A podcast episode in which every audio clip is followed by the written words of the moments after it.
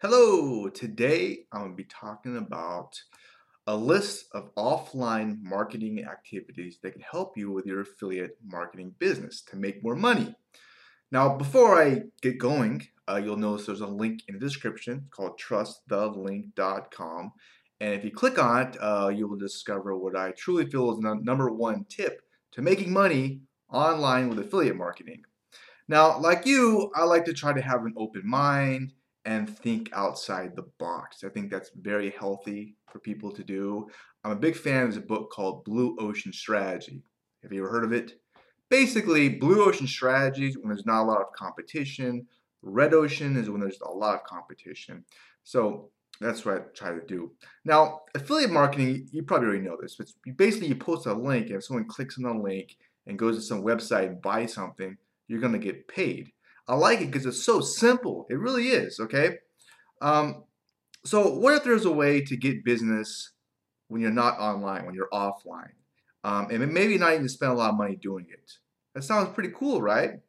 Uh, so I'll come up with a short list of some ideas which I want to look into myself. Maybe you would too for your business. Um, that can help you make more money and be creative and get outside the house and looking at the dang computer screen a lot, which I do a lot and I try to like go out and talk to people, which is healthy, right? Get some sunlight. So the first thing which you kind of need, um, which I'm a big believer is, is, your own domain name. I'm a big, I, I like domain names because you own the space.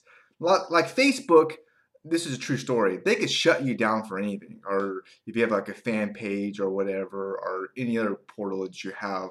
When you have a domain name, you own it. You could put whatever you want to do on it. Remember Alex Jones? Yeah, they don't like what he said. Got the axe, baby. So that's not cool. So you want a domain name, okay? And what you really want, ideally, is something that ta- that passes the radio test. And that means if you say it, you could just type the dang thing in and go to it. Uh, so I'm a, I'm a big believer in domain name. That's why I actually invest in them as well on the side, side, side hustle project, whatever. So, anyways, on your website with your domain name, you can promote your affiliate link and make money that way. You, you could put anything you want on there. Now, one idea that I think is really cool to think outside the box is if you have a car, you drive around your car and people look at your car, right?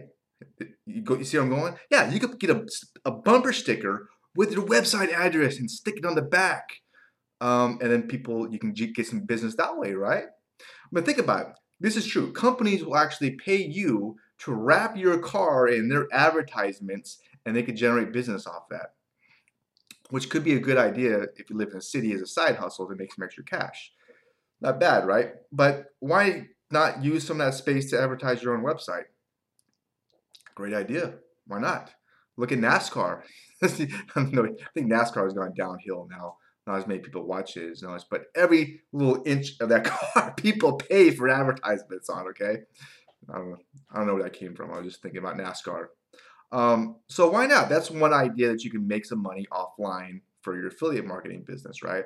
Now, a second idea, which I think is brilliant, which I'm definitely going to uh, look into, um, is a T-shirt. You walk around you know, whatever, people look at your shirt like this stupid shirt. Why am I wearing this crap? Why do people pay money on t-shirts to advertise another brand and get them more business? Like Nike or Reebok or something. I'm just I see Nike shirts all over the place. Um, but as a side note, I actually read the book Shoe Dog. It's really good, interesting by Phil Knight. But well, I don't want to talk about that. So what I'm trying to say is, uh, you can get a t-shirt made with your website address on it. People can look at it and you start a conversation. People and then you can generate more business that way offline. Get you outside the house and talking to people. Get the sunlight.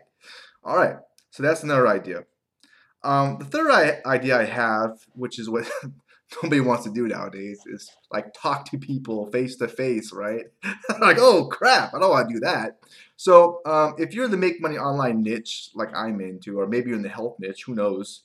or the travel niche, then you can go to places where those kind of people hang out or interested in that. Maybe it's a job fair for me.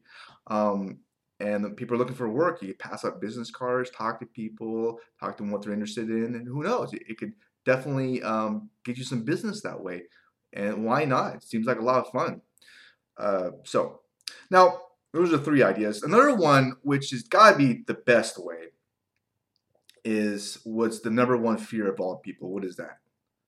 Public speaking. I think it really is the number one fear.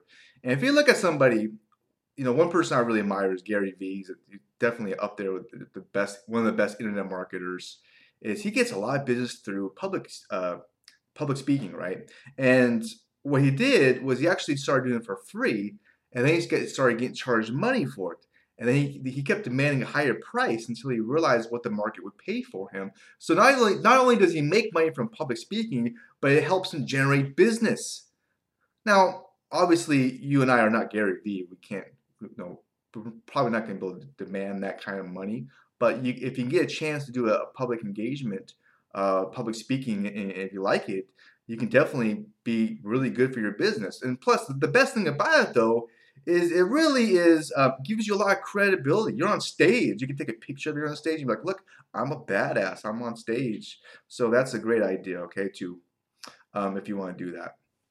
And the last idea, which I want to talk about, which I have to, is print advertisements. And that means like business cards. Uh, you can be creative. You can go to like your public library and stick business cards and books that are, that are on your topic. Generate some business that way. Uh, you can create flyers and pass them out. Well, don't pass them out, but you can post them on places like they're in your niche, like I don't know, like places where look, people look for jobs or health clinics. If you're in the health niche, you see where I'm going basically. So there's a few ideas. Um, but the good news about all this stuff is it helps you get out of the house and mixes things up because even in uh, with affiliate marketing or what I do, I, I like to mix things up. Okay, I like to do different things. Um, I think it's kind of fun, makes some extra money. So there you go. So I hope uh, I hope you really enjoyed this whole uh, this video or, or podcast on offline, well, a list of offline marketing activities for your affiliate business. Um, if you did like it, then or if you learned something, please hit the thumbs up button. I would appreciate that. Um, if you have an idea what you want to mention, leave a comment below. I would appreciate that as well. And lastly, if you are interested in uh, making money online with affiliate marketing, I've been doing it for an insanely long time. Um, you can go ahead and check out my website or click the link below at trustthelink.com and you'll discover what I feel is the number one tip to making money with affiliate marketing. Okay. So I wish you the best. Okay. Um, have a great rest of your day. Uh, take care and bye.